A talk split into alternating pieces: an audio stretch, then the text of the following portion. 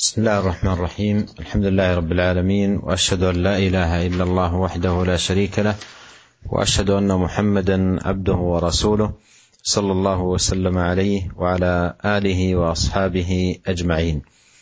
أما بعد قال المصنف الإمام أبو زكريا يحيى النووي رحمه الله تعالى في كتابه رياض الصالحين باب فضل الجوع وخشونة العيش والاقتصار على القليل من المأكول والمشروب والملبوس وغيرها من حظوظ النفس وترك الشهوات.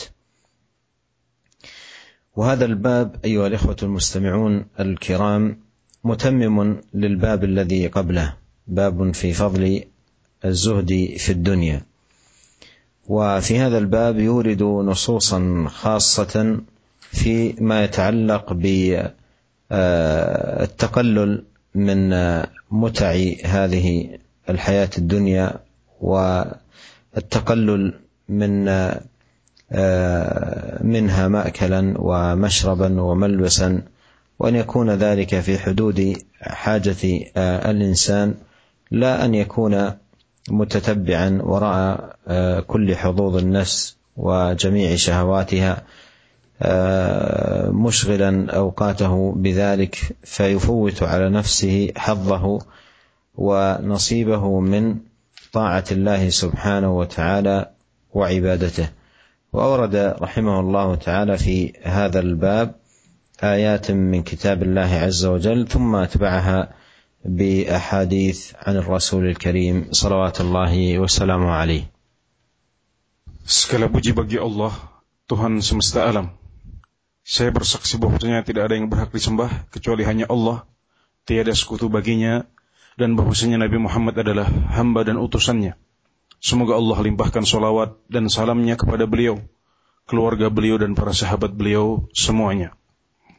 Para pendengar sekalian, pengarang kitab Riyadhus Salihin, Abu Zakaria Yahya An-Nawawi rahimahullahu taala berkata dalam kitab beliau yang mulia ini bab tentang keutamaan lapar dan kehidupan yang sulit serta mencukupkan diri dengan sedikit dari makanan, minuman dan pakaian serta yang lain serta mencukupkan diri dengan sedikit dari keinginan-keinginan nafsu dan meninggalkan syahwat.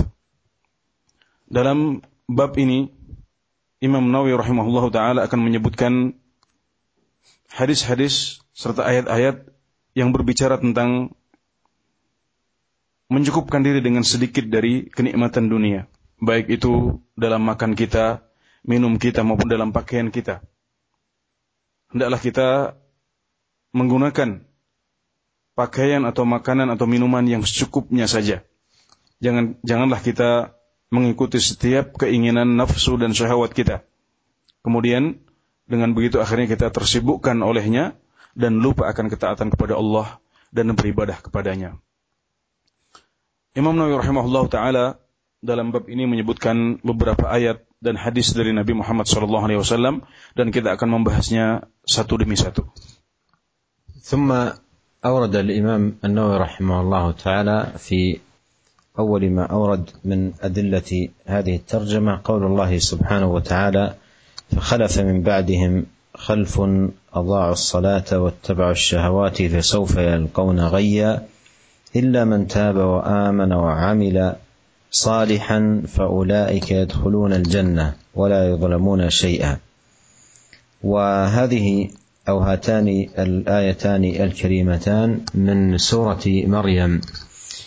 وكان الله عز وجل ذكر في الآيات قبلها حال الأنبياء وإخلاصهم واجتهادهم في اتباع مراضي الرب سبحانه وتعالى وعظم إنابتهم إلى الله سبحانه وتعالى. لما ذكر حال الأنبياء أتبعه بحال هؤلاء الخلوف الذين خلفوا من بعدهم. فقال جل في علاه فخلف من بعدهم خلف. فخلف من بعدهم أي من بعد هؤلاء الأنبياء أهل الطاعة والإنابة والخضوع لله سبحانه وتعالى. خلف من بعدهم خلف لكنهم بدلوا ما أمرهم به أنبياء الله. ورجعوا إلى الخلف وإلى الوراء. فكان من أمرهم أن أضاعوا الصلاة التي أمرهم الله سبحانه وتعالى بإقامتها والمحافظة عليها فضيعوها. والصلاة عماد الدين وآكدوا الأعمال. ومن ضيعها فهو لما سواها أضيع. ثم بين سبحانه وتعالى السبب الداعي لهذه الإضاعة للصلوات وغيرها من أمور الدين ألا وهو اتباع الشهوات. قال واتبعوا الشهوات. والشهوات هي حظوظ النفس وما تريده وتطمع فيه. فصارت همم هؤلاء منصرفة إلى حظوظ نفسهم مقدمين لها على حق ربهم. فنشأ من ذلك التضييع لحقوق الله سبحانه وتعالى وبالمقابل الإقبال على الشهوات كيفما كانت. فماذا كانت عقوبتهم؟ قال الله سبحانه فسوف يلقون غيا. والمراد بقوله غيا أي عذابا شديدا. ثم استثنى الله سبحانه وتعالى من نيل هذا العذاب الذين تابوا. قال إلا من تاب أي أقلع وندم وعاد إلى الله سبحانه وتعالى بترك فعل ما نهاه الله والإقبال على فعل ما أوجب الله سبحانه وتعالى إلا من تاب وآمن أي بالله ربا خالقا رازقا وأنه المعبود بحق ولا معبود بحق سواه والإيمان بكل ما أمر بالإيمان به وعمل صالحا أي عمل بشرع الله سبحانه وتعالى الذي جاءت به رسل الله قاصدا بذلك وجه الله. فمن كان كذلك عفى الله عنه وغفر له وأدخله الجنة. قال فأولئك الذين أي الذين جمعوا بين هذه الخصال التوبة والإيمان والعمل الصالح يدخلون الجنة. ولا يظلمون شيئا أي من ثواب الأعمال بل يجدونها كاملة مضاعفة يوم يلقون الله سبحانه.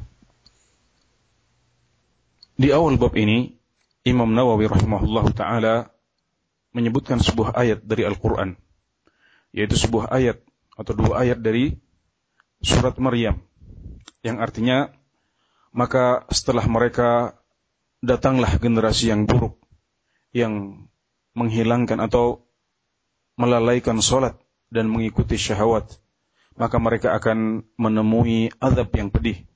Kecuali siapa yang beriman, kecuali siapa yang bertak, eh, siapa yang bertaubat dan beriman serta beramal saleh, maka mereka akan masuk surga dan mereka tidak dizolimi sedikit pun.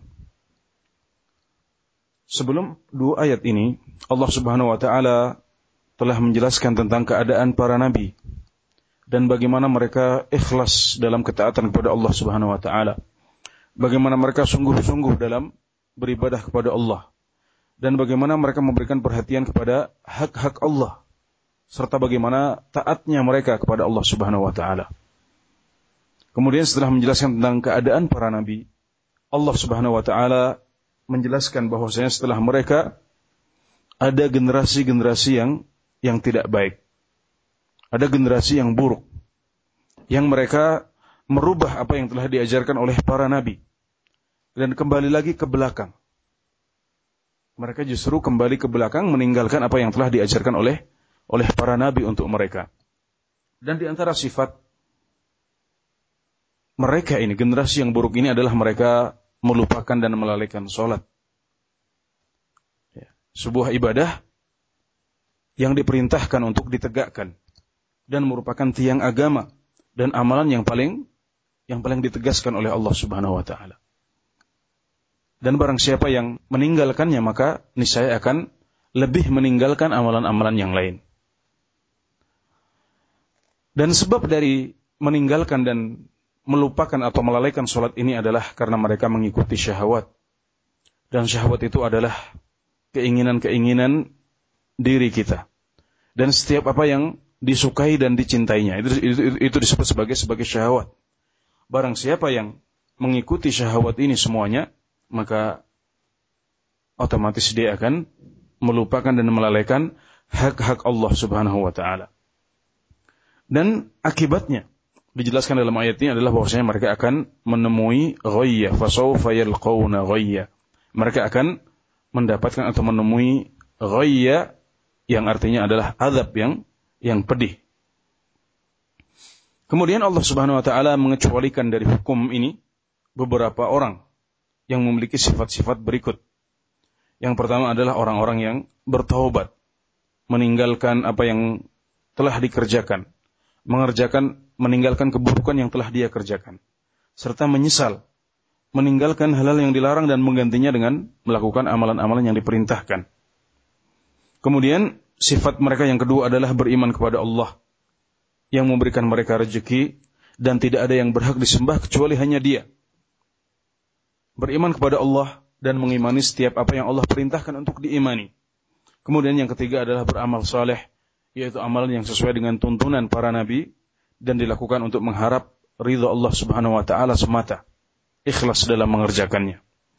Nah, barang siapa yang memiliki sifat-sifat berikut ini, sifat-sifat yang tadi kita sebutkan, yaitu taubat kemudian beriman dan beramal saleh, maka mereka akan masuk surga dan tidak dizolimi sedikit pun Mereka akan mendapatkan pahala amalan mereka secara sempurna bahkan dilipat gandakan dan tidak dizolimi sesuatu pun. ثم أورد رحمه الله تعالى قول الله عز وجل فخرج على قومه في زينته قال الذين يريدون الحياة الدنيا يا ليت لنا مثل ما أوتي قارون إنه لذو حظ عظيم وقال الذين أوتوا العلم ويلكم ثواب الله خير لمن آمن وعمل صالحا. وهذه الآية فيها ذكر لذلك الرجل الذي آتاه الله من الكنوز والأموال الطائلة الكثيرة ما إن مفاتيحه لتنوء بها العصبة أولي القوة من الرجال. فآتاه الله مالا واسعا وأعطاه من زهرة هذه الحياة الدنيا وبهجتها ونضارتها. أعطاه نصيبا وافرا وحظا كبيرا. فذات يوم خرج هذا الرجل في زينته كما قال الله فخرج على قومه في زينته. أي خرج بحاله من التجمل والتزين والحشم والخدم والمركب وخرج في زينته. فرآه الناس رآه بتلك الزينة وبذلك التجمل وما أوتي من أموال. رآه الناس وانقسموا إلى قسمين. ذكرهما الله سبحانه وتعالى في هذا السياق المبارك. القسم الأول ذكرهم جل وعلا بقوله قال الذين يريدون الحياة الدنيا يا ليت لنا مثل ما أوتي قارون إنه لذو حظ عظيم. هذا القسم الأول. الذين تعلقت قلوبهم بمثل ما أوتي هذا الرجل. وصارت همتهم ورغبتهم متجهة إلى أن يكون لهم مثل ما عنده. نظرا إلى ظاهر الأمر. نظرا إلى ظاهر الأمر. فقالوا هذه الكلمة يا ليت لنا مثل ما أوتي قارون. أي من زهرة الدنيا ومتعها وزخرفها. إنه لذو حظ عظيم. قالوا ذلك بهذا المقياس الذي أعطوه وهو النظر السطحي النظر إلى ظاهر آآ آآ هذا الذي أعطيه هذا الرجل. أما القسم الثاني وهم الذين نظروا إلى بواطن الأمور وحقائق الأشياء ماذا قالوا؟ قال الله تعالى وقال الذين أوتوا العلم ويلكم. ثواب الله خير لمن آمن وعمل صالحا. وقولهم ويلكم هذه كلمة توجع. يرثون حال هؤلاء وينكرون قولهم وينبهونهم إلى الحق في في هذا المقام. ثواب الله خير. ثواب الله تبارك وتعالى خير لمن آمن وعمل صالحا. وهذا الثواب يتناول الثواب المعجل في الدنيا من لذة العبادة وحلاوة الطاعه وأيضا ما عده الله سبحانه وتعالى لهم من أجور عظيمة وثواب جزيل يوم يلقون الله. وقولهم خير أي من هذا الذي تتمنونه. وتتمنون أن يكون لكم مثله. خير لمن آمن وعمل صالحا. لكن هذا الخير العظيم والفضل الكبير لا يوفق له كل أحد وإنما يوفق له الصابرون. Kemudian Imam Nawawi rahimahullah taala menyebutkan ayat yang lain yang artinya maka keluarlah ia kepada kaumnya dalam hiasannya. Orang-orang yang menginginkan kehidupan dunia berkata, andai kami diberikan seperti apa yang telah diberikan kepada Korun, sesungguhnya dia adalah orang yang memiliki bagian yang besar Sesungguhnya dia telah diberikan jatah yang besar. Dan orang-orang yang diberikan ilmu oleh Allah Subhanahu wa taala mengatakan, celakalah kalian pahala dari Allah Subhanahu wa taala lebih baik bagi orang yang beriman dan beramal saleh. Dalam ayat ini Allah Subhanahu wa taala menyebutkan seorang pria yang disebut dengan nama Qarun yang telah diberikan oleh Allah Subhanahu wa taala banyak harta, harta yang berlimpah. Yang dalam sebuah ayat yang lain dijelaskan bahwasanya kunci-kunci dari khizanah Qarun ini akan kesulitan dibawa oleh sekelompok pria yang kuat dari kaumnya. Nah, Qarun ini suatu ketika keluar kepada kaumnya dengan keadaannya yang telah diberikan oleh Allah Subhanahu wa taala dengan hartanya yang banyak, dengan pembantu-pembantunya yang bekerja untuknya, dan dengan kendaraan yang dia naiki. Maka orang-orang melihat kepada Korun dengan keadaan yang seperti itu, dan mereka terbagi menjadi dua kelompok. Kelompok yang pertama adalah orang-orang yang menginginkan kehidupan dunia. Yang hati mereka tertambat kepada harta yang dimiliki oleh Korun. Dan semangat mereka adalah untuk mengumpulkan harta seperti yang dimiliki oleh Korun. Karena mereka melihat kepada perkara yang lahir dari dari Korun ini. Yaitu berupa bunga dunia dan kenikmatan yang telah diberikan oleh Allah Subhanahu wa taala kepadanya. Adapun kelompok yang kedua adalah orang-orang yang melihat kepada hal yang batin. Kalau yang pertama tadi lahir, mereka yang kedua ini melihat kepada hal yang batin dan melihat kepada hakikat sesuatu. Maka mereka perlu mengatakan wailakum. Celakalah kalian. Ini sebuah kalimat mengaduh ya yang isinya adalah menyesalkan kondisi kelompok yang pertama. Kemudian mereka mengatakan pahala dari Allah Subhanahu wa taala itu lebih baik. Artinya lebih baik dari apa yang yang kalian impikan yaitu harta yang banyak yang telah dimiliki oleh oleh Qarun. Dan pahala dari Allah Subhanahu wa taala ini mencakup pahala di dunia, ganjaran di dunia yaitu berupa kebahagiaan dan nikmatnya ibadah kepada Allah Subhanahu wa taala. Dan juga mencakup pahala di akhirat, yaitu surga dan berbagai kenikmatan yang telah Allah sediakan untuk hamba-hambanya yang beriman yang beriman di sana. Namun kebaikan dan pahala ini tidak diberikan kepada setiap orang, namun Allah Subhanahu wa taala menjelaskan bahwasanya itu lebih baik bagi orang-orang yang beriman dan beramal soleh. Jadi tidak semua orang akan mendapatkannya, tapi yang mendapatkannya adalah orang-orang yang mau bersabar di dunia, yaitu dengan beriman dan beramal soleh.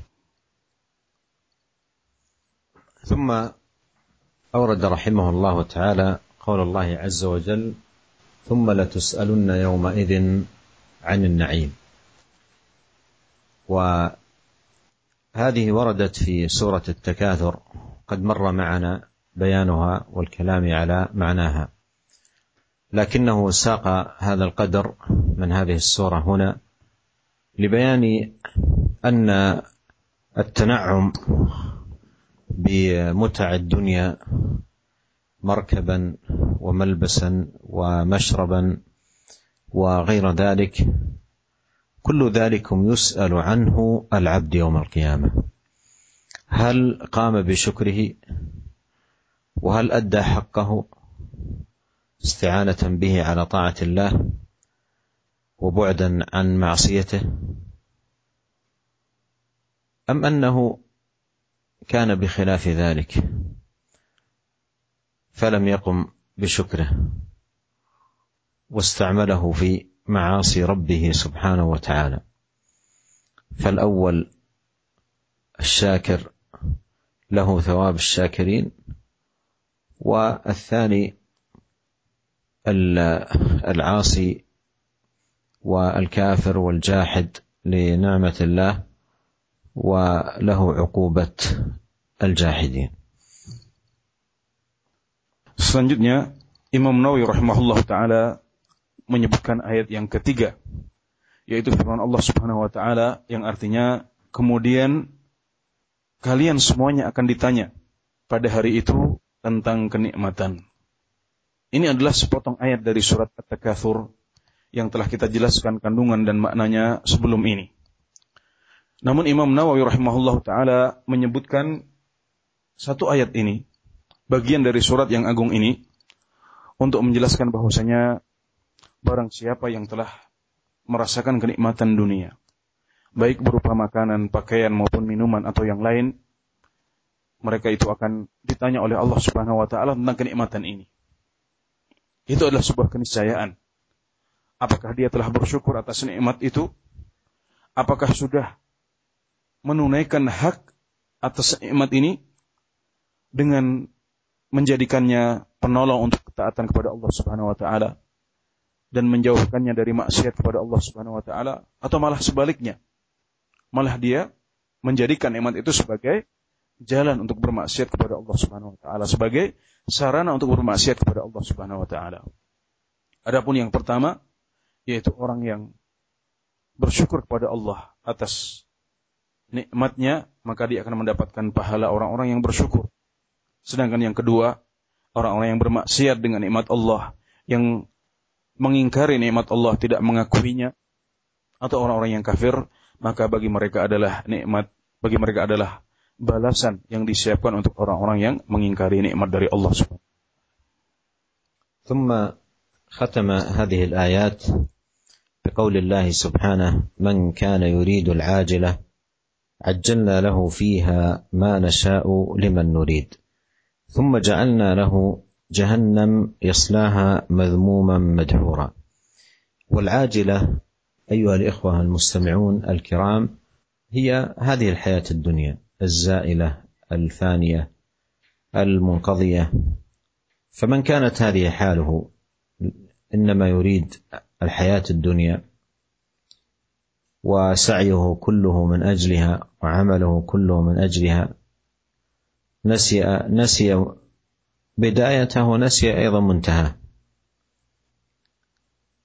نسي بدايتها ونسي منتهاها.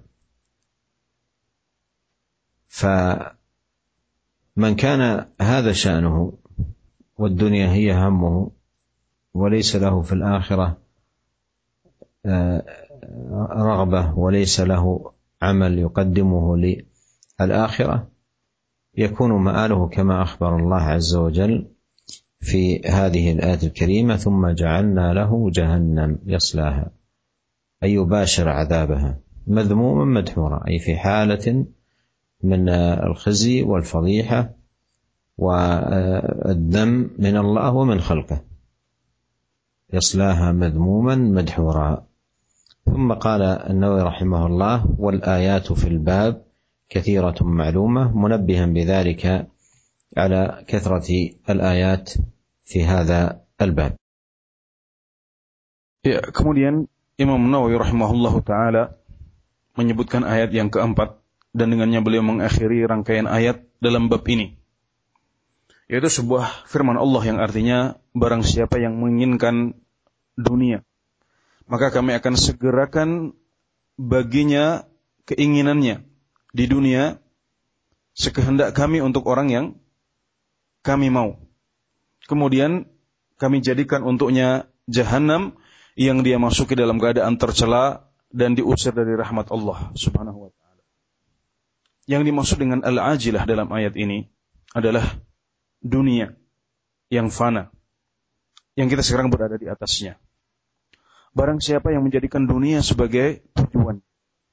Kemudian dia beramal untuknya. Dan melupakan awal dan akhirnya. Sehingga tidak ada amalan yang dia siapkan untuk akhirat. Maka orang yang seperti ini yang menghabiskan waktunya, masanya untuk berkhidmah kepada dunia, ya untuk mengisinya dan menumpuk harta di dalamnya, maka akibatnya adalah seperti yang disebutkan dalam ayat, dalam akhir ayat ini, yaitu bahwasanya pungkasannya adalah jahanam yang akan dia masuki dalam keadaan mazmum atau tercela dan madhur yaitu diusir dari rahmat Allah Subhanahu wa taala. Dan ayat-ayat yang menjelaskan tentang bab ini sebenarnya banyak sekali, namun Imam Nawawi rahimahullah taala menyebutkan dengan menyebutkan mencukupkan diri dengan menyebutkan empat ayat yang sudah kita bahas di atas saja.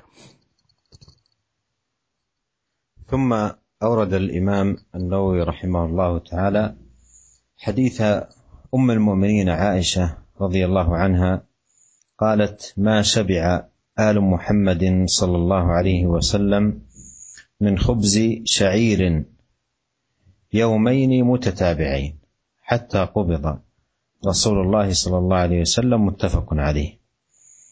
وفي رواية ما شبع آل محمد صلى الله عليه وسلم منذ قدم المدينة من طعام البر ثلاث ليال تباعا حتى قبض. والمراد بآل محمد أي أزواجه ومن يعولهم عليه الصلاة والسلام من آه، خدمه. وهذا الحديث فيه إعراض النبي عليه الصلاة والسلام وأهل بيته عن الدنيا وزهدهم فيها. وإلا لو شاء الله عز وجل لآتاهم آه، الدنيا بحذافيرها. ولهذا من ضاقت عليه الدنيا وأمر المعاش فليتذكر حال نبينا عليه الصلاة والسلام كما أخبرت أم المؤمنين عائشة رضي الله عنها أنه ما شبع آل محمد من خبز شعير يومين متتابعين حتى قبض صلوات الله وسلامه عليه. وهذا أيضا فيه بيان هوان الدنيا على الله سبحانه وتعالى.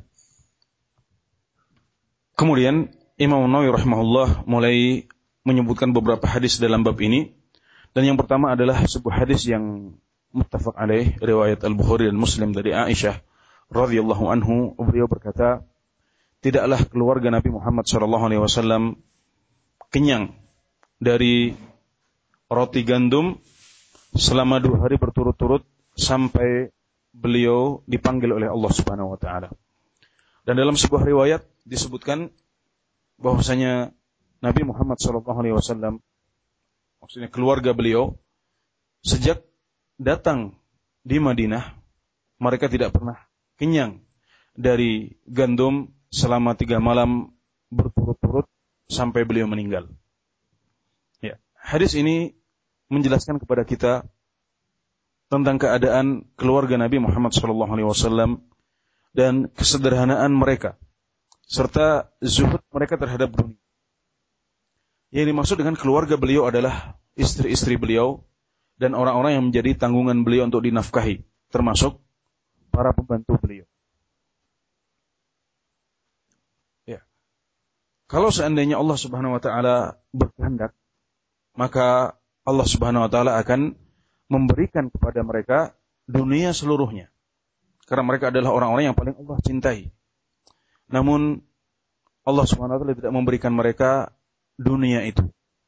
Yang itu menunjukkan bahwasanya dunia itu sangat hina di tangan di sisi Allah Subhanahu wa taala. Maka barang siapa yang mendapatkan kesulitan hidup, barang siapa yang merasakan kekurangan selama hidup di dunia, maka hendaklah mereka ingat dengan sifat yang disebutkan oleh Aisyah ini tentang keluarga Nabi Muhammad SAW, di mana mereka tidak pernah kenyang dari roti gandum selama dua hari berturut-turut selama mereka hidup sampai Nabi Muhammad SAW meninggal seperti itulah keadaan keadaan mereka dan itu akan menjadi hiburan yang sangat membantu kita menjalani kehidupan yang kadang-kadang susah. ثم أورد رحمه الله تعالى حديث عروة عن عائشة رضي الله عنها أنها كانت تقول والله يا ابن أختي إن إن كنا لننظر إلى الهلال ثم الهلال ثم الهلال أي هلال الشهر وهو في أول دخوله. ثلاثة أهلة في شهرين. وما أوقد في أبيات رسول الله صلى الله عليه وسلم نار. قلت يا خالة فما كان يعيشكم؟ قالت الأسودان التمر والماء. إلا أنه قد كان لرسول الله صلى الله عليه وسلم جيران من الأنصار وكانت لهم منائح وكانوا يرسلون إلى رسول الله صلى الله عليه وسلم من ألبانها فيسقينا متفق عليه. والمنائح هي الشاة أو الناقة تعطى للرجل آه، ليعلفها ويستفيد من آه، لبنها ثم يردها إلى صاحبها. وهذا فيه كالحديث الذي قبله الزهد الذي عاشه النبي عليه الصلاة والسلام في بيت النبوة صلوات الله وسلامه عليه والصبر على التقلل وأخذ البلغة من العيش وإيثار الآخرة على الدنيا ومتعها. وذلك أنه عليه الصلاة والسلام حين خير بين الدنيا والآخرة اختار الآخرة. وأن يكون عبدا نبيا لا أن يكون ملكا نبيا. فاختار عليه الصلاة والسلام التقلل والكفاف على التنعم والترفه.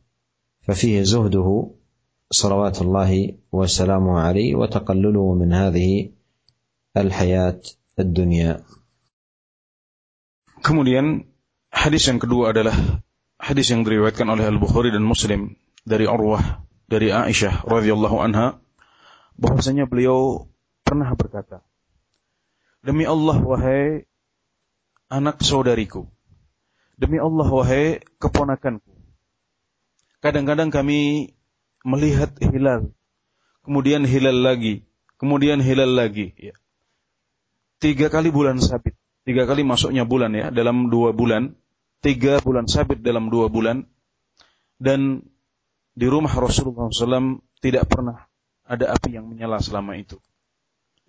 Maka aku berkata kata uh, Urwah, wahai bibi, dengan apa kalian bertahan? Kalau demikian dengan apa kalian bertahan? Apa yang membuat kalian bisa bertahan hidup? Maka Aisyah mengatakan dua hitam. Maksudnya dua benda yang hitam. Maksudnya adalah kurma dan air. al-aswadan, maksudnya adalah kurma dan air, kecuali kata beliau, kadang-kadang Rasulullah SAW didatangi oleh para tetangga dari kaum Ansor. Rasulullah SAW memiliki tetangga dari kalangan Ansor dan mereka memiliki kambing-kambing yang mereka kirim kepada Rasulullah SAW untuk diminum susunya. Maka dari itulah kami minum. Ya, hadis ini menjelaskan kepada kita tentang zuhud yang diterapkan oleh Rasulullah SAW di rumah tangga beliau. Menjelaskan kepada kita tentang kesabaran beliau atas harta yang sedikit. Menjelaskan kepada kita tentang bagaimana beliau mencukupkan diri dengan bulghah, yaitu dengan sesuatu yang cukup sebagai bekal. Yang hanya cukup sebagai bekal yang membawa kita kepada tujuan kita saja. Dan bagaimana beliau dan keluarga beliau mendahulukan akhirat di atas dunia. Karena Nabi Muhammad SAW pernah diberikan pilihan. Maka beliau lebih memilih akhirat. Beliau disuruh memilih apakah menjadi seorang hamba yang menjadi nabi atau seorang raja yang menjadi nabi. Maka beliau memilih akhirat dengan memilih untuk menjadi seorang hamba dan nabi. ثم أورد رحمه الله تعالى عن أبي سعيد المقبري عن أبي هريرة رضي الله عنه أنه مر بقوم بين أيديهم شاة مصلية أي مشوية فدعوه فأبى أن يأكل. دعوه أي ليشاركهم في الأكل منها فأبى أن يأكل. وقال خرج رسول الله صلى الله عليه وسلم من الدنيا ولم يشبع من خبز الشعير رواه البخاري. وهذا فيه كسابقه تقلل النبي عليه الصلاة والسلام من هذه الحياة الدنيا ومتعها. من المأكول والمشروب ونحو ذلك ادخارا لما يطمعه ويريده في الآخرة وثوابها وما أعده الله سبحانه وتعالى لأهلها. فكان يتقلل من هذه الحياة الدنيا ويتخفف من متعها عليه الصلاة والسلام. وكان أيضا اصحابه على اثره كما هو في هذا الاثر عن ابي هريره رضي الله عنهم عنه وعن الصحابه اجمعين. Kemudian hadis yang ketiga dalam bab ini adalah uh, sebuah hadis yang diriwayatkan oleh Al Bukhari dari Abu Sa'id Al Maqburi dari Abu Hurairah radhiyallahu anhu bahwasanya beliau pernah melewati suatu kaum melewati sebuah kaum sekelompok orang yang sedang makan kambing yang dipanggang. Abu Hurairah radhiyallahu suatu ketika pernah melewati sebuah kaum yang di depan mereka ada seekor kambing panggang. Maka mereka pun mengajak beliau untuk makan, namun beliau menolak untuk makan. Dan beliau berkata, Rasulullah SAW telah keluar dari dari dunia, telah meninggalkan dunia dalam keadaan beliau tidak kenyang dari roti gandum. Ya, hadis ini menjelaskan kepada kita sekali lagi tentang bagaimana Nabi Muhammad SAW zuhud terhadap dunia. Dan beliau mencukupkan diri dengan yang sedikit saja. Dan bagaimana beliau menabung itu semuanya untuk mengharapkan pahala akhirat dan ganjarannya serta apa-apa yang telah disiapkan oleh Allah Subhanahu wa taala untuk penghuni surga. Dan hadis ini juga menjelaskan kepada kita tentang bagaimana para sahabat beliau, para sahabat beliau mengikuti teladan beliau ini.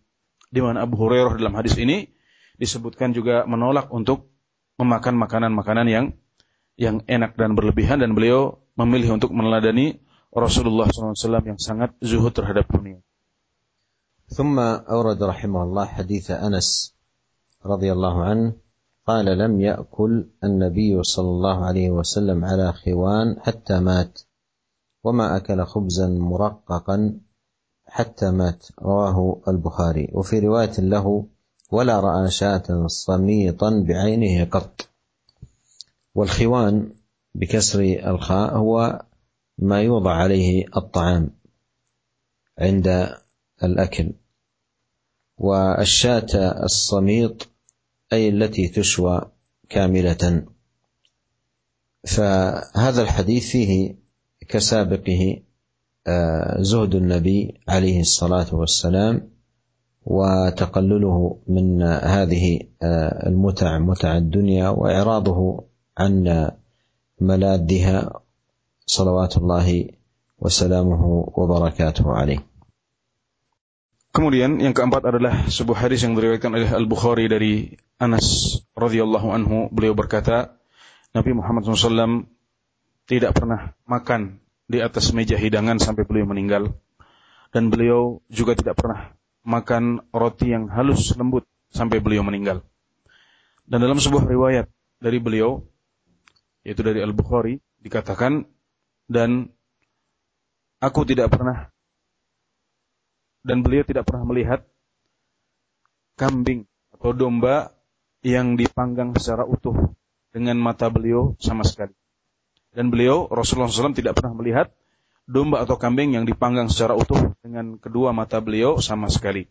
Ya hadis ini juga menegaskan kepada kita tentang zuhudnya Nabi Muhammad SAW dan bagaimana beliau mencukupkan diri dengan yang sedikit saja dari dunia dan bagaimana beliau berpaling dari kenikmatan-kenikmatan dunia. Ya. Hal itu dengan jelas bisa kita lihat dari hadis yang sudah kita sebutkan, yang sudah kita sebutkan baru saja. ثم أورد رحمه الله حديث النعمان بن بشير قال لقد رأيت نبيكم صلى الله عليه وسلم وما يجد من الدقل ما يملأ به بطنه. رواه مسلم.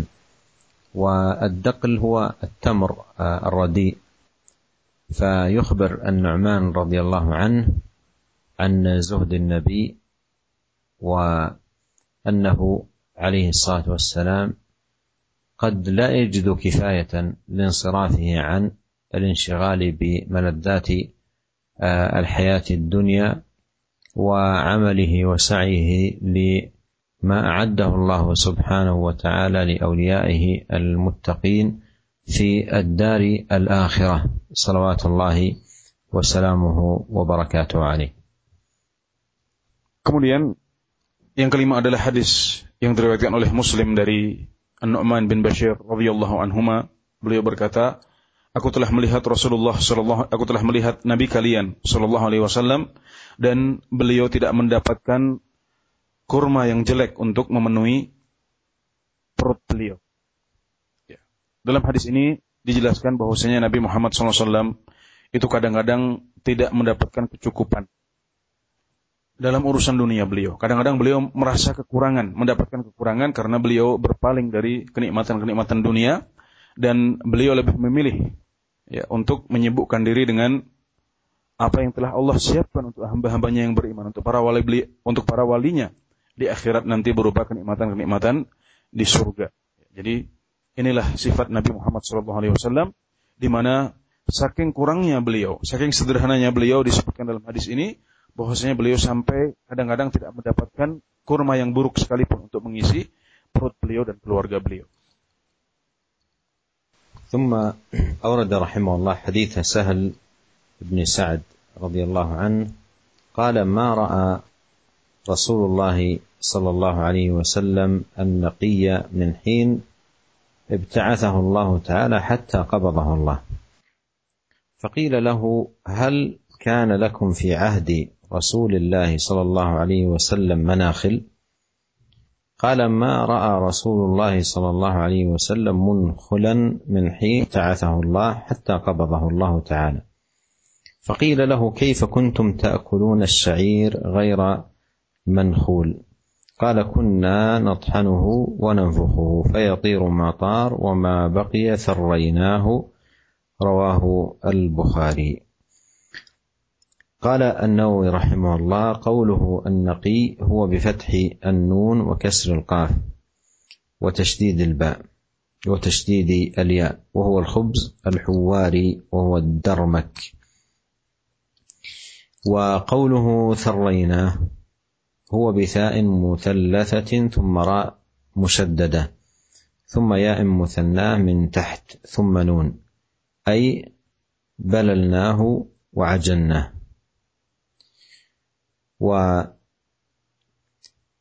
وهنا يخبر سهل أن النبي عليه الصلاة والسلام ما رأى النقي من حين ابتعثه الله حتى قبضه.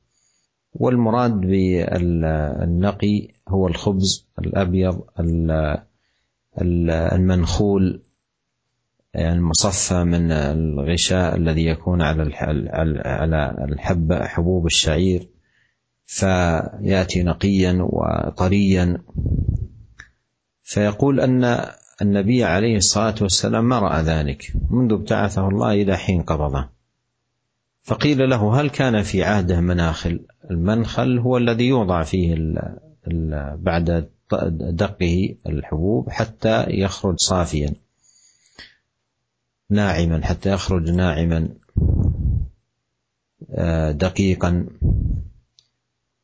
فيقول ما رأى رسول الله صلى الله عليه وسلم منخلا؟ من حين ابتعثه الله حتى قبضه الله. فقيل كيف كنتم تأكلون الشعير غير مأكول؟ قال كنا نطحنه وننفخ في الهواء فيطير ما طار أي من القشور التي عليه وما بقي ثريناه أي بللناه بالماء ثم آه، أكلناه وهذا بيان لما كان عليه النبي عليه الصلاة والسلام والصحابة الكرام من الزهد في هذه الحياة الدنيا وأنهم يأكلون ما تيسر لهم دون تكلف. Hadis yang keenam adalah hadis yang diriwayatkan oleh Al Bukhari dari Sahal bin Sa'ad radhiyallahu anhu beliau berkata, aku Rasulullah SAW tidak pernah melihat roti yang halus sejak beliau diutus oleh Allah Subhanahu wa taala sampai beliau meninggal. Maka dikatakan kepada Sahal bin Sa'ad, apakah kalian dahulu pada zaman Rasulullah SAW memiliki penggiling, memiliki mesin giling, atau memiliki alat penggiling? Maka beliau mengatakan Rasulullah SAW tidak pernah melihat alat penggiling sejak beliau diutus oleh Allah Subhanahu wa taala sampai beliau meninggal. Maka beliau ditanya lagi, "Lantas bagaimana kalian dahulu makan gandum ya, tanpa digiling?" Maka beliau berkata, "Dahulu kami menindis ya atau menggilas gandum ini, kemudian kami meniupnya. Maka yang terbang itu pun terbang. Maksudnya e, kulitnya ya, yang tidak dibutuhkan itu akan terbang dan yang tersisa yaitu gandumnya itu kami beri air dan kemudian itulah yang kami makan. Ya ini adalah sebuah hadis yang menegaskan kepada kita tentang apa yang telah kita bahas di depan. Sebelumnya kita jelaskan dahulu naki yang dimaksud dengan naki adalah e, roti ya yang putih yang halus ya, dan telah dibersihkan dari dari biji-biji gandum. Sehingga ketika dimasak dia menghasilkan roti yang yang bersih dan segar. Adapun munhul dalam hadis ini artinya adalah e, alat giling yang sederhana yang e, dipakai orang pada zaman-zaman dahulu. Dan hadis ini telah menjelaskan hadis ini menjelaskan kepada kita tentang bagaimana Nabi Muhammad SAW dan para sahabat beliau itu sangat zuhud terhadap di dunia terhadap dunia dan mereka mencukupkan diri dengan uh, yang sedikit dari dunia ini dan mereka makan apa adanya tanpa membebani diri mereka tanpa takalluf. ثم أخذ يواصل الإمام النووي رحمه الله تعالى في سوق الأحاديث التي تتعلق بهذه الترجمة فضل الجوع وخشونة العيش. ونسأل الله عز وجل أن ينفعنا بما علمنا ولعلنا نستكمل ما بقي من هذه الأحاديث في لقائنا القادم بإذن الله سبحانه وتعالى. وبالله وحده التوفيق والسداد والعون على كل خير Ya, masih ada beberapa hadis lagi yang disebutkan oleh Imam Nawawi rahimahullah taala dalam bab ini dan masih cukup banyak. Namun karena waktu yang terbatas, Insya Allah kita akan selesaikan hadis-hadis yang lain di kesempatan-kesempatan yang akan datang dan kita berdoa semoga Allah Subhanahu wa taala memberikan kita manfaat dari apa yang telah diajarkannya kepada kita dan semoga kita mendapatkan bimbingan dan taufik darinya dalam menjalani kehidupan kita. Ya, jazakallah khair. Ucapan pada Fadilat Syekh Abdul Razak bin Abdul Musin Al-Badar dan Al-Ustaz Anas. Hafizahullah Ta'ala telah menerjemahkan. Masih tersisa waktu bagi kita kurang lebih 10 menit untuk menyampaikan beberapa pertanyaan yang masuk melalui pesan singkat. Di antaranya, Assalamualaikum warahmatullahi wabarakatuh ya Syekh. Ada pembahasan kemarin disebutkan bahwasanya orang-orang miskin mereka masuk surga 500 tahun terlebih dahulu dari orang-orang kaya. Lalu bagaimana keadaan sebagian kaum muslimin yang memang mereka mendapatkan kekayaan dan apakah ini merupakan suatu kepastian bahwasanya yang memiliki kelebihan harta maka akan mendapatkan uh, hambatan dalam masuk ke dalam surga Allah Subhanahu wa taala dan mohon nasihatnya bagi mereka yang mendapatkan uh, anugerah harta ini supaya tidak menjadi fitnah jazakallah khair. ورد معنا في الدرس الماضي واللقاء السابق كما أشار الأخ السائل أن دخول الفقراء قبل دخول الأغنياء ولكن ليس بمئة سنة كما ذكر الأخ السائل وإنما بخمسمائة عام كما في حديث أبي هريرة عند الترمذي وقال الإمام الترمذي رحمه الله تعالى حديث حسن صحيح. وهذا الحديث سبق بيان معناه وإيضاح مدلوله وهو أن الفقراء أسبق إلى الجنة من الأغنياء. وليس المراد أن الفقر هو الذي أدخلهم الجنة وإنما الذي أدخلهم الجنة عملهم الصالح صبرهم واحتسابهم ولم يكن عندهم من الأموال والمتع ما يشغلهم عن طاعة الله سبحانه وتعالى.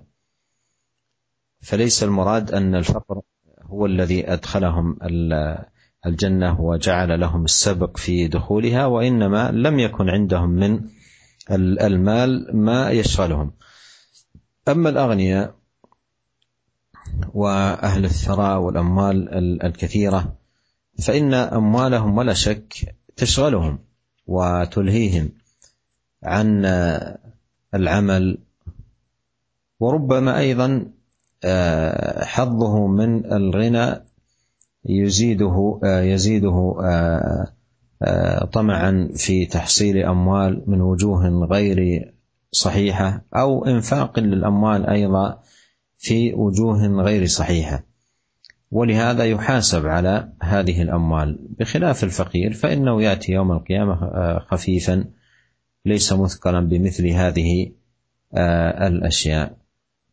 وهذا ليس فيه ذم الغنى بحد ذاته وإنما فيه ذم للغنى من حيث أن يكون مشغلا لصاحبه وملهيا له عن طاعة الله. أما إذا كان غنيا أخذ المال من حله وينفق في سبيل الله ووجوه الخير ففي هذا ورد الحديث العظيم لا حسد إلا في اثنتين. وذكر منهم رجل آتاه الله مالا فهو ينفق ويتصدق منه في سبيل الله. Iya, pertanyaan yang pertama dari pesan singkat yang isinya semoga Allah memberkahi Anda wahai Syekh. E, pada pelajaran yang lalu telah disebutkan bahwasanya orang-orang miskin akan masuk surga 100 tahun sebelum orang-orang yang kaya ya. Tadi kalau saya yang salah, saya tadi mendengarkannya 100 ya. Kalau penanya menyebutkan 500 maka 500 maka kesalahan dari saya. Ya. Saya mohon maaf atas kesalahan itu. Bagaimana keadaan kaum muslimin yang kaya? Apakah mereka pasti akan masuk surga jauh setelah orang-orang miskin? Dan apa nasihat yang bisa diberikan oleh Syekh untuk mereka yang diuji oleh Allah Subhanahu wa taala dengan kekayaan di dunia. Ya. Jawaban Syekh di pelajaran yang lalu telah kita sebutkan sebuah hadis ya, yang bunyinya adalah bahwasanya orang-orang fukara, orang-orang fakir itu akan masuk surga 500 tahun sebelum orang-orang yang kaya. Ini hadis yang diriwayatkan oleh Tirmidzi dari Abu Hurairah dan hadisnya adalah sebuah adalah adalah uh, hasan sahih kata kata Tirmidzi. Dan telah kita jelaskan maksud dari hadis ini. Namun perlu kita garis bawahi bahwasanya yang dimaksud dengan hadis ini adalah uh, bukannya orang yang fakir itu akan masuk surga karena kefakiran mereka atau kemiskinan mereka, bukan itu. Namun amal salehlah yang telah membuat mereka masuk surga. Amal salehlah yang telah menjadi sebab mereka masuk surga. Dan karena mereka tidak memiliki harta yang banyak yang menyibukkan mereka dari ketaatan kepada Allah Subhanahu wa taala. Adapun orang-orang yang kaya, harta mereka akan menyibukkan mereka. Dan sebagian bisa jadi karena sudah memiliki harta yang banyak dan merasakan kenikmatannya, mereka akan semakin tamak terhadap harta sehingga meraihnya dengan cara-cara yang tidak benar atau menafkahkannya di jalan-jalan yang yang tidak benar. Jadi hadis ini sebenarnya tidak mencela orang-orang yang kaya. Juga tidak mencela kekayaan. Jika kekayaan itu diperoleh dengan jalan yang yang benar dan dipakai untuk hal-hal yang baik-baik ya. Makanya dalam hadis yang lain Nabi Muhammad SAW menjelaskan bahwasanya tidak ada hasad kecuali untuk dua orang. Dan di antara dua orang ini adalah orang yang diberikan oleh Allah Subhanahu wa taala harta, maka dia menafkahkannya jalan Allah Subhanahu wa taala. Justru kadang-kadang orang-orang yang kaya dipuji dalam agama kita seperti yang disebutkan dalam dalam hadis ini. Baik, jazakallah khair ya Syekh dan kami angkat kembali pertanyaan berikutnya. Beberapa pertanyaan sama disampaikan pendengar kita di pesan singkat. Assalamualaikum warahmatullahi berkaitan dengan pembahasan sebelumnya dan apa yang disebutkan dari hadis-hadis di bab ini. Bagaimanakah uh, seorang muslim dan muslimah secara khusus dapat menghadirkan hatinya dalam kehidupan kepada kehidupan akhirat di mana uh, kebanyakan kita lebih cenderung dalam permasalahan kehidupan dunia dan merasa sulit ketika melanda sempitnya kehidupan ekonomi dan lain sebagainya dibandingkan dengan keadaan Rasulullah sangat jauh berbeda. Lalu eh, apakah yang harus dilakukan seorang muslim ketika mendapatkan sulitnya mereka menjalani kehidupan dengan kesederhanaan dan penuh dengan qanaah barakallahu fiik. هذا الباب الذي نقرأه وأيضا الباب الذي آه، قبله عند الإمام النووي في سوقه لهذه الأحاديث والأدلة هو الذي يحرك في القلب آه، مثل هذه المعاني وهو مقصود هذا الباب في سوق هذه آه، الأحاديث التي أيضا حركت في نفس هذا الأخ السائل هذا السؤال وأيضا حركته في نفوس آخرين. والشاهد هو أن العلم بحال الدنيا وأيضا آه، من حيث حقارتها وسرعة فنائها وأن متاع الغرور غير ذلك مما سبق أن مر معنا ولا سيما في الباب الذي قبله. وأيضا العلم بكمال نعيم الآخرة وأن هي الحيوان. كل ذلك يولد لدى العبد إعراض عن متع الدنيا وإقبال على الآخرة. قد قال الله تعالى ومن أراد الآخرة وسعى لها سعيها وهو مؤمن فأولئك كان سعيهم مشكورا. وحاصل القول أن هذا يتحقق بالدعاء أولا واللجوء إلى الله سبحانه وتعالى ثم مجاهدة النفس إضافة إلى العناية بالعلم الشرعي الذي يثمر كل خير. Selanjutnya seorang penanya atau seorang pendengar bertanya bagaimana menghadirkan di hati kita perasaan untuk mengedepankan akhirat di atas dunia. Karena banyak orang di zaman kita ini lebih memikirkan dunia dan tidak mencontoh teladan Nabi Muhammad SAW sehingga saat mendapatkan kesulitan-kesulitan dunia dia akan sangat terpengaruh oleh kesulitan itu. Dan apa nasihat yang bisa diberikan oleh Syekh agar uh, kita bisa menjalani dunia dengan uh, zuhud dan qanaah. Dijawab oleh Syekh bahwasanya bab yang baru saja kita baca dan sedang kita pelajari sekarang belum selesai serta bab yang sebelumnya dari kitab Riyadhus Shalihin ini akan menggerakkan kita hadis-hadisnya dan ayat-ayatnya akan menggerakkan kita untuk menghadirkan makna yang diinginkan tadi itu yaitu menghadirkan bagaimana kita bisa mendahulukan akhirat di atas dunia dan tergeraknya hati kita seperti inilah yang dimaksudkan oleh Imam Nawawi dengan penulisan bab ini. Dan kita sudah lihat tadi bahwasanya hadis-hadis dan ayat ini telah menggerakkan saudara penanya. Juga telah menggerakkan para pendengar yang lain insya Allah untuk mengedepankan eh, mengedepankan akhirat di atas dunia yang fana. Intinya kalau kita mengetahui bahwasanya dunia itu hina, dunia itu sementara, fana dan akan hilang dengan cepat.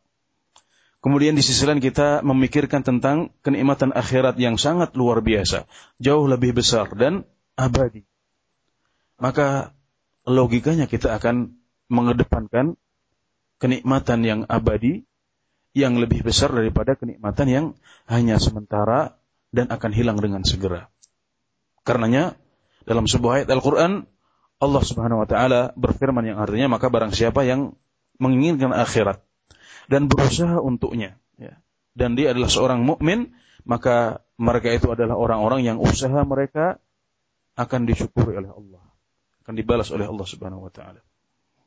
Jadi eh, hendaklah kita meminta kepada Allah Subhanahu wa taala agar diberikan sifat ini, yaitu sifat mengedepankan akhirat. Itu penting kita harus memintanya kepada Allah. Kemudian kita berijtihad, maksudnya sungguh-sungguh dalam menghadirkan rasa ini dan mempertahankannya. Di antaranya dengan terus mengulang-ulang. Memperbanyak mempelajari tentang hadis-hadis yang mengingatkan kita akan pentingnya kenikmatan akhirat. Ditambah dengan ilmu yang cukup, ya, ilmu yang uh, baik dan cukup dalam masalah ini. Insya Allah kita akan bisa menghadirkan dan terus memiliki sifat ini selama kita hidup di di dunia. وفي ختام هذا اللقاء أسأل الله عز وجل لي ولكم أيها الإخوة الكرام التوفيق والسداد والعون على كل خير وأن يبارك لنا في ما علمنا وأن يجعل ما تعلمناه حجة لنا لا علينا وأن يصلح لنا شاننا كله إنه سميع قريب مجيب والسلام عليكم ورحمة الله وبركاته وعليكم السلام ورحمة الله وبركاته جزاك الله خير يا شيخ akhir uh, kajian ini kita berdoa kepada Allah Subhanahu wa taala agar diberikan pertolongan dan bimbingan untuk setiap kebaikan dan semoga Allah memberkahi ilmu yang telah kita dapatkan. Semoga Allah menjadikannya hujah untuk kita bukan hujah atas kita dan semoga Allah memperbaiki keadaan kita semuanya.